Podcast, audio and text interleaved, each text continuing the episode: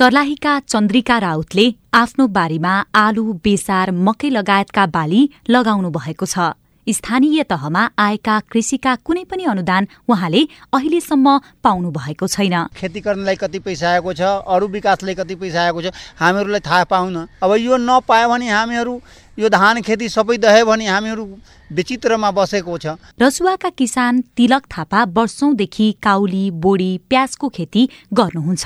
मूल्यमा उहाँ सधैँ ठगिनुहुन्छ। काउली छ हामी लिँदैन। यो भाउमा दिन्छ भने देऊ न त लिन्न भनेर भन्छ पसलले बेच्न लगाएको चिज फर्काएर घर लाने त कुरा आउँदैन।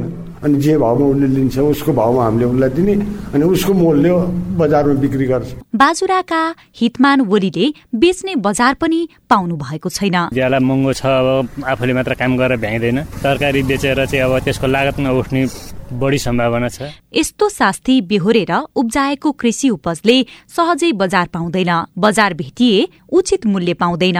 बिक्री भएको फसलको रकम बेलैमा हात पर्दैन। मल र उन्नत बिउ बिजन पाइँदैन। किसानले भोग्नुपर्ने हैरानीको चाङ निकै ठूलो छ। तिनै सरकारले किसानहरूलाई लक्षित गरी नीति निर्माण गरिरहेका छन्। नीतिमा भएका व्यवस्था टाठा बाठाका लागि जस्तो भएको छ। सरकारले गर्नुपर्ने मुख्य त किसानले चाहिएको बेला आवश्यक पर्ने बेलामा ऋण चाहिएको छ कृषिको बिमा पनि गर्नुपर्छ गाउँमा आएर दरदलारी गरेर व्यापारीहरू आउँछ अब समस्या हेरेर रेट लगाउँछ त्यत्तिकै अब दस रुपियाँको धन हामीले दुई रुपियाँमा दिनुपर्छ।